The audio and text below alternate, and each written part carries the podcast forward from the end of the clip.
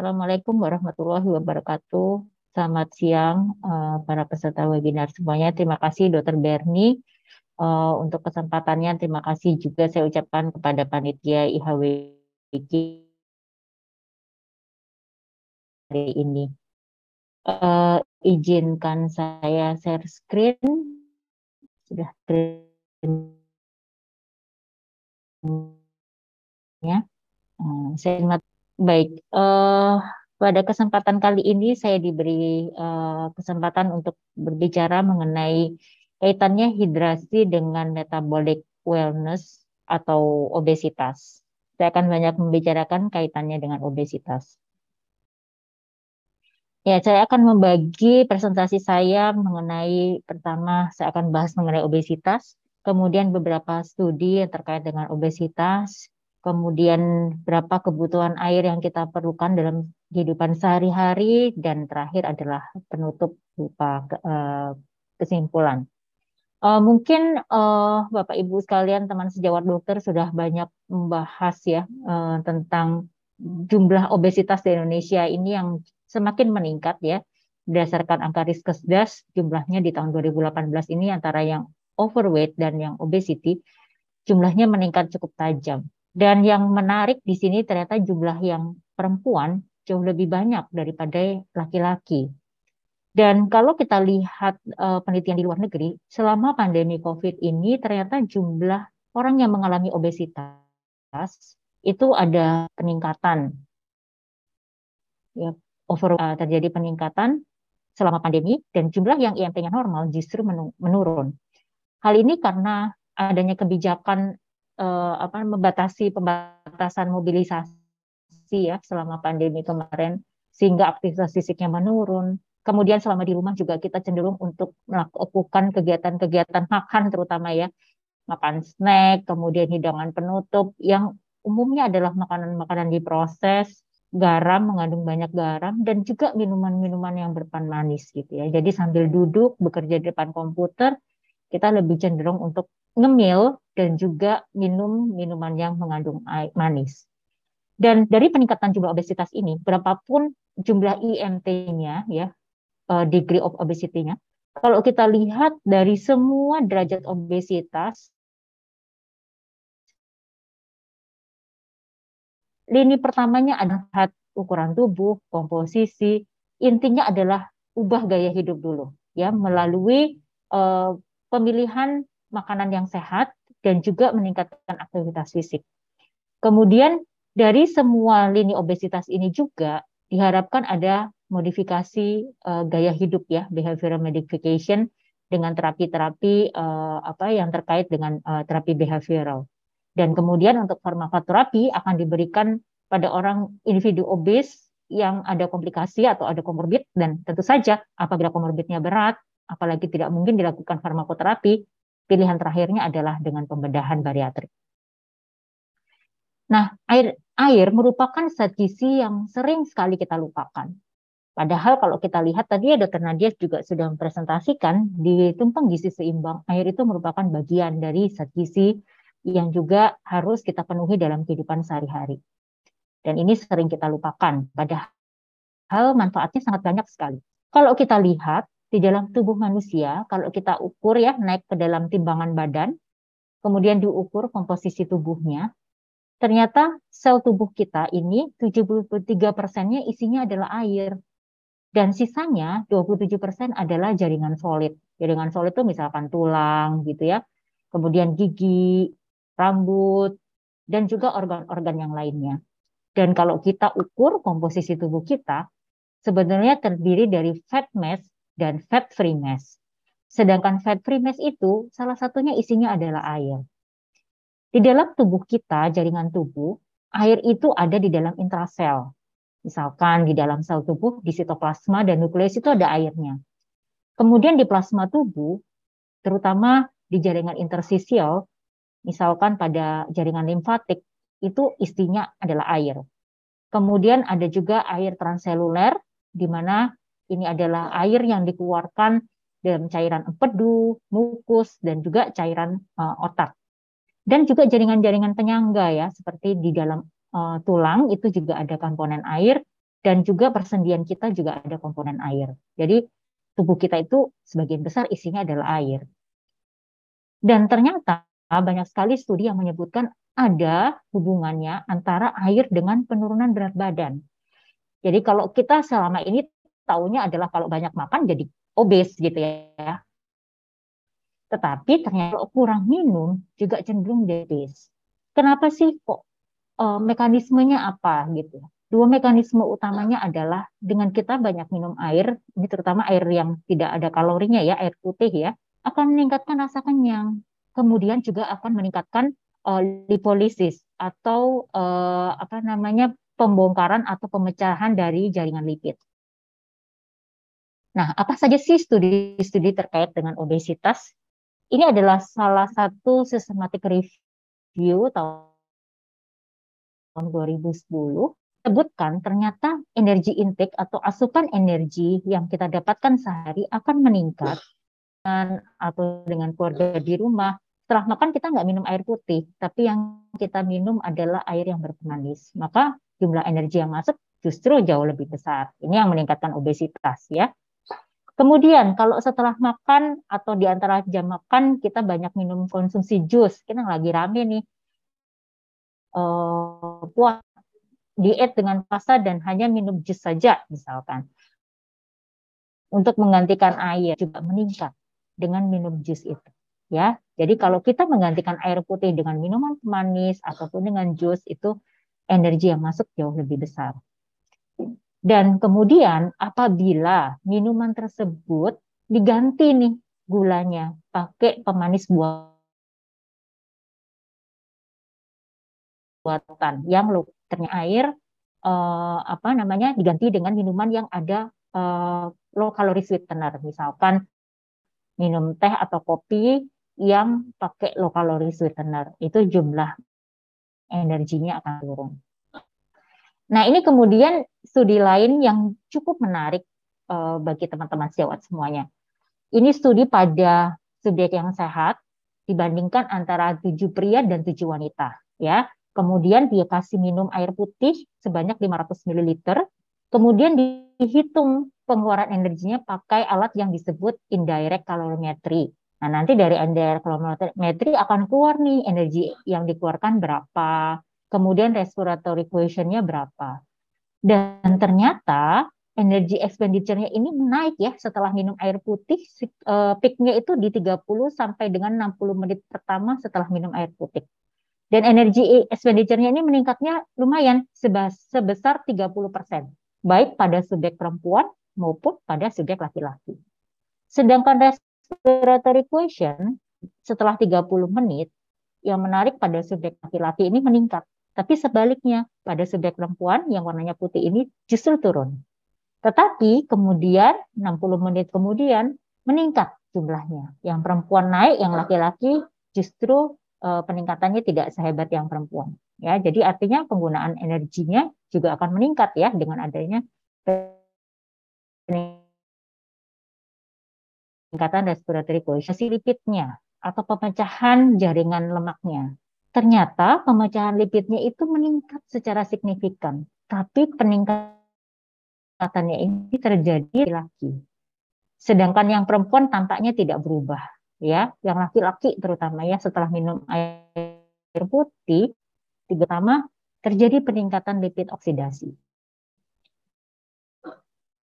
dan menarik ini antara yang suhu uh, biasa 37 derajat. 37 derajat ini setara dengan suhu kor tubuh manusia ya. Dan kalau ternyata dikasih air yang sedikit sejuk ya, 22 derajat, peningkatan energi expenditure-nya lebih tinggi dibandingkan kalau kita berikan air suhunya adalah suhu 37 derajat.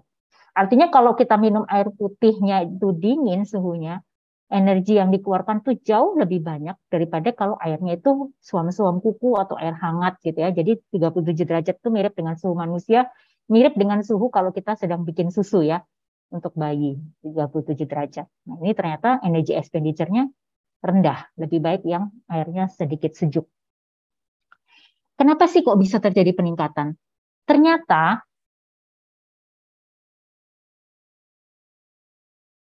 kalau kita uh, jaringan adipos ya melalui stimulasi dari uh, beta adrenoreseptor. Jadi secara uh, sistem saraf simpatisnya itu jadi uh, apa namanya? jadi meningkat ya dengan stimulasi air putih. Dan yang menariknya lagi, kenapa kok air yang sejuk itu lebih meningkatkan energi expenditure? Karena tubuh itu memerlukan energi yang lebih untuk menyesuaikan panasnya tadi, ya menyesuaikan suhu dari suhu room temperatur 22 derajat itu ke body temperatur. Ya, jadi membutuhkan usaha lebih untuk adaptasi tubuh sehingga energi yang dikeluarkan jadi lebih banyak ketimbang kita berikan air yang hangat. Nah, ini ada satu yang menarik juga, ini adalah uh, meta-analisis dibandingkan orang-orang yang dari beberapa studi yang terkait dengan pemberian air minum. ya Dibandingkan ternyata dengan pemberian air minum, di sini tampaknya weight reduction-nya tidak berbeda bermakna. Ya, ini kita lihat angka uh, square-nya ini ternyata tidak efektif untuk menurunkan berat badan. Tapi kalau kita lihat I square-nya atau studi ini cukup heterogen ya, I square-nya 70%. Dan bagaimana dengan uh, indeks massa tubuh? Tadi kan berat badannya tetap nih nggak berbeda bermakna. Ternyata sama indeks massa tubuhnya pun tidak berhasil. Nah, tetapi yang menarik, pada saat kita bandingkan antara memberikan air 500 ml sebelum makan dengan 250 ml setelah makan. Hasilnya seperti apa? Jadi sebelum makan itu dikasih air 500 ml atau setelah makan dikasih air 250. Ternyata belum makan utama. Jadi ini studinya dilakukan selama kurang lebih 12 minggu, 3 bulan ya, sebelum makan utama dia disuruh minum air putih dulu 12. Ternyata berat badannya cukup bermakna turunnya.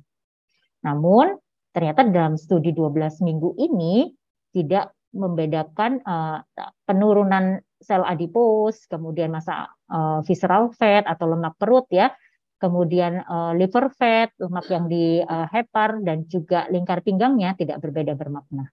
Yang berbeda hanya berat badannya saja. Kemudian studi yang menarik yang lainnya adalah dikerjakan pada perempuan, 50 orang perempuan yang uh, termasuk indeks massa tubuhnya overweight. Diberikan minum 500 ml tiga kali. Jadi sebelum makan pagi 500 ml, sebelum makan siang 30 menit sebelum makan siang dikasih air lagi 500 ml, dan sebelum makan malam dikasih lagi 500 ml selama kurang lebih dua bulan. Ternyata terjadi penurunan berat badan ya pada subjek ini. Dari yang 65 eh, post studi eh, post tadinya 64 berbeda bermakna. Meskipun turunnya sih tidak terlalu banyak ya sekitar kurang lebih eh, satu setengah kilo dalam waktu dua bulan. Dan kemudian dilihat di sini ternyata uh, skin fold thickness-nya, ketebalan uh, apa tebal lipatan kulitnya antara uh, otot tricep, kemudian otot perut, paha dan jumlah seluruhnya ternyata terjadi uh, perubahan yang cukup signifikan.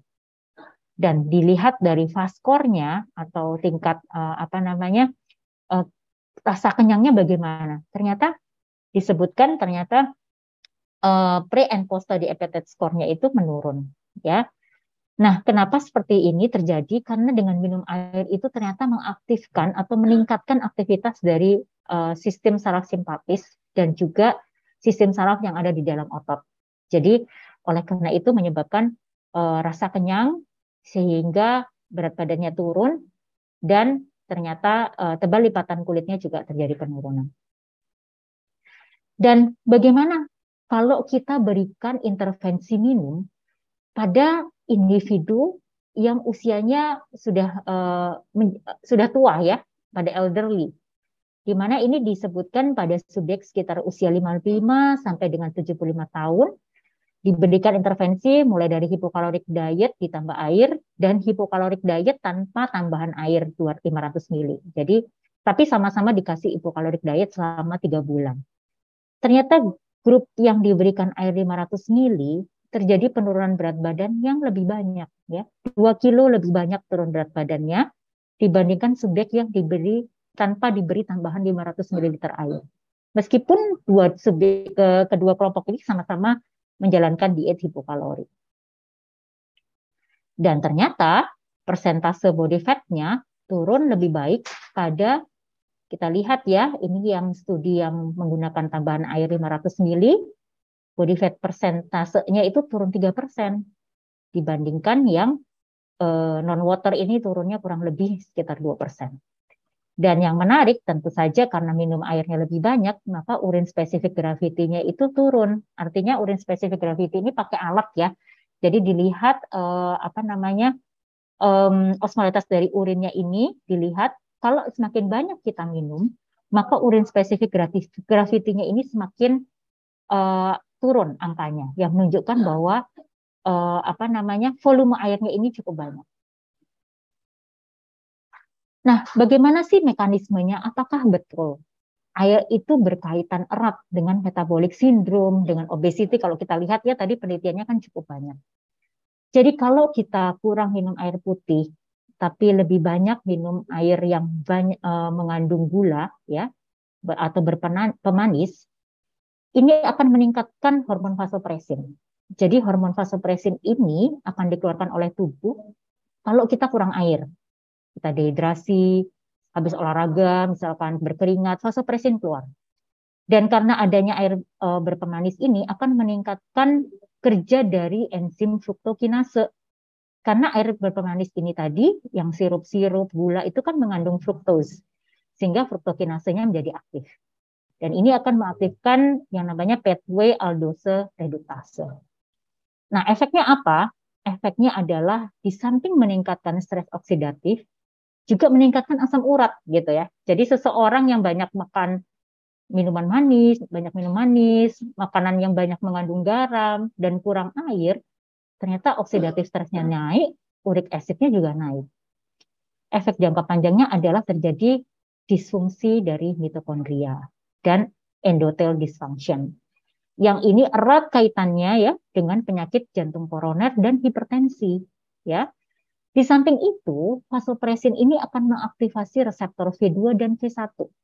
Ya, reseptornya ditingkatkan yang efeknya adalah meningkatkan hormon glukagon. Yang seluruhnya ini berkembang lebih lanjut bisa menyebabkan gangguan pada jantung, kemudian endotel pembuluh darah dan juga uh, liver atau hepat. Ya.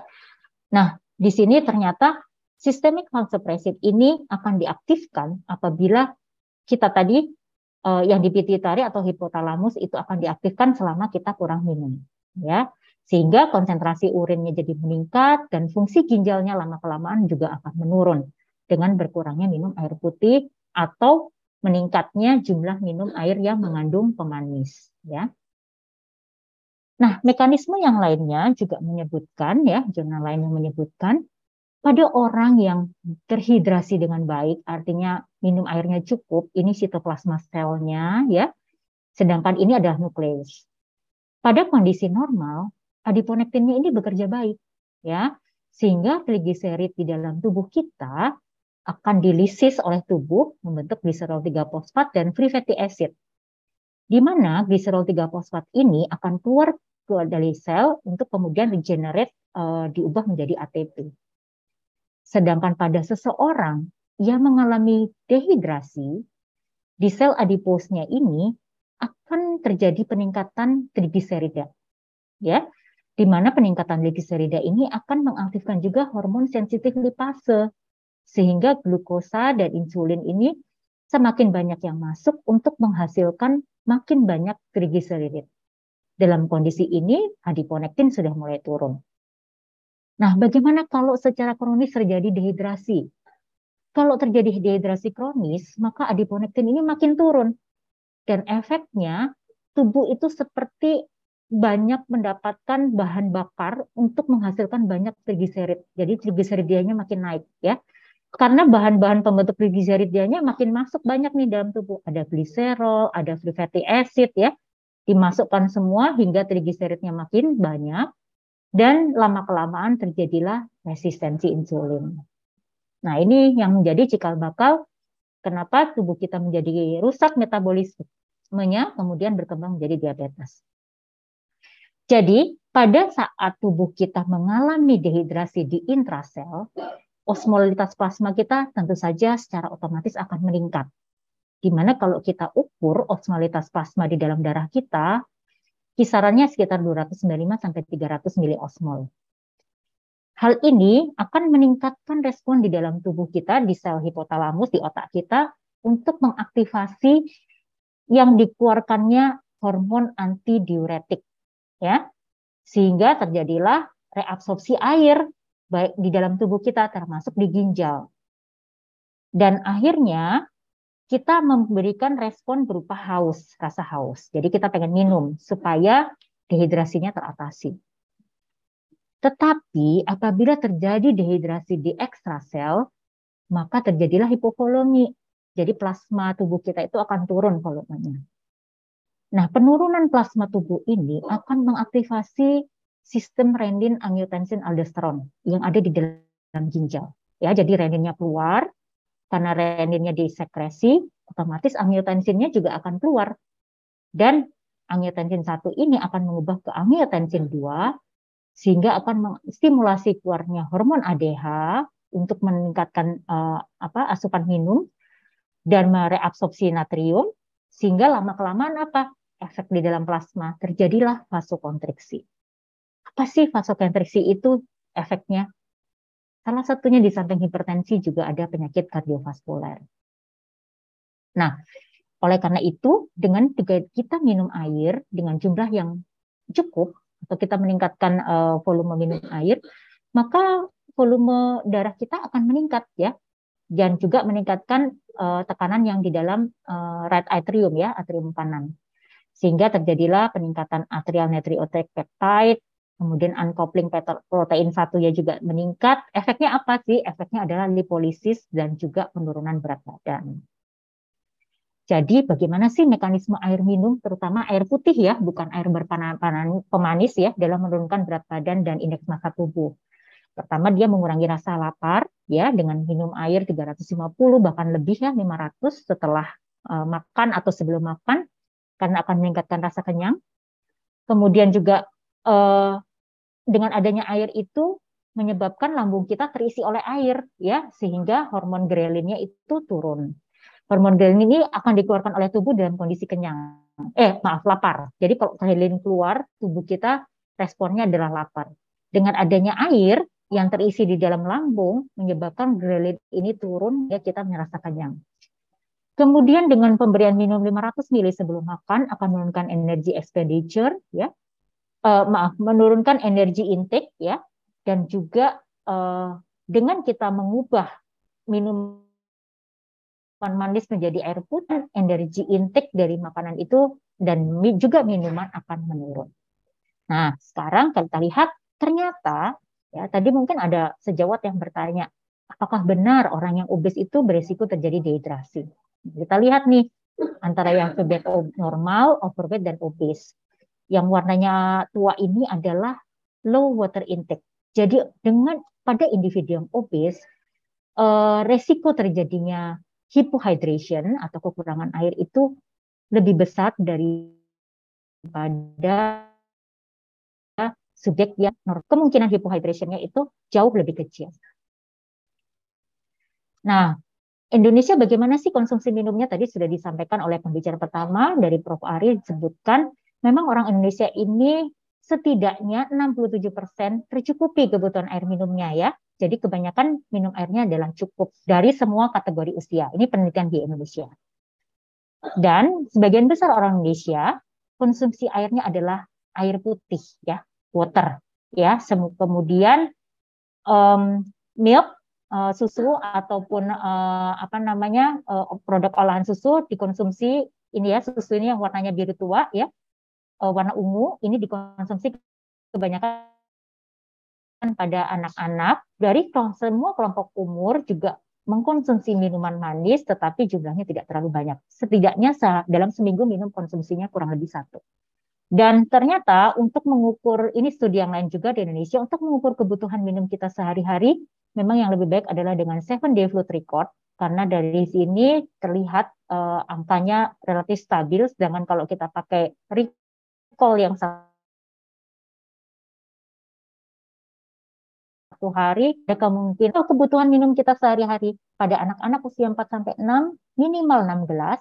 Kemudian pada usia 7 sampai 12 tahun minimal 7 gelas, sedangkan pada dewasa laki-laki minimal 8 gelas, perempuan 7 gelas. Ini minimal ya, boleh lebih kalau kita beraktivitas banyak di luar ruangan atau di udara panas. Sedangkan perempuan hamil, tadi mungkin ada yang bertanya ya, sejawat ya berapa sih orang hamil butuhnya? Orang hamil itu butuhnya setidaknya 8 gelas per hari. Jadi jadi 7 ditambah 1 totalnya 8. Sedangkan pada perempuan yang sedang menyusui membutuhkan setidaknya 10 gelas per hari. Dan pada lansia karena jumlah sel tubuhnya itu e, airnya menurun, maka kebutuhan air minumnya cukup minimal 6 gelas per hari. Dan salah satu indikator untuk menilai kecukupan air minum adalah dengan melihat warna urin kita. Semakin warnanya muda di angka 2 dan 1 ini menunjukkan uh, terhidrasi dengan cukup. Tapi kalau warnanya antara sekitar 4, 5, 6 artinya udah mulai kurang minum. Dan kekurangan minum yang parah, dehidrasi yang berat itu terjadi di warna urin 7 dan 8. Jadi Bapak Ibu sekalian, setelah nanti acara ini tolong dilihat kalau ke kamar mandi warna urinnya seperti apa. Jangan panik kalau warnanya muda, artinya air minumnya sudah cukup. Jadi sebagai kesimpulan, bagaimana sih caranya air bisa menurunkan berat badan? Dengan cara meningkatkan uh, rasa kenyang, kemudian ada sensasi kenyang di dalam perut ya, kemudian meningkatkan termogenesis, terutama kalau diberikan air minumnya itu yang sejuk, kemudian lipid oksidasinya meningkat, dan tentu saja energi intake-nya jauh lebih rendah. Demikian yang dapat saya sampaikan. Terima kasih, terima kasih atas perhatian Bapak Ibu sekalian. Mudah-mudahan presentasi saya ini bermanfaat. Terima kasih. Assalamualaikum warahmatullahi wabarakatuh.